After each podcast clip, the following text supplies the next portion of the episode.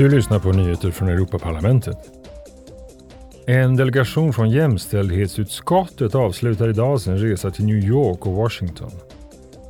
Under veckan har ledamöterna deltagit i FNs kvinnokommissions möte om innovation, teknikomställning och utbildning i den digitala tidsåldern. Igår i Washington mötte de civila jämställdhetsorganisationer som jobbar med kvinnors sexuella och reproduktiva hälsa och rättigheter. Tillsammans med företrädare för regeringen och parlamentet diskuterar de tillbakagången för kvinnors rättigheter i USA och EU, inte minst den inskränkta aborträtten. I veckan var en delegation från medborgarrättsutskottet i Aten för att ta reda på hur det ligger till med påstått sviktande europeiska värderingar i Grekland.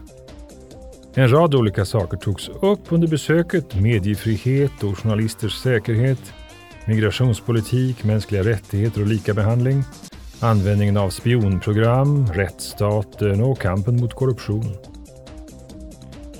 Sen igår är det mycket lättare att göra framställningar till Europaparlamentet.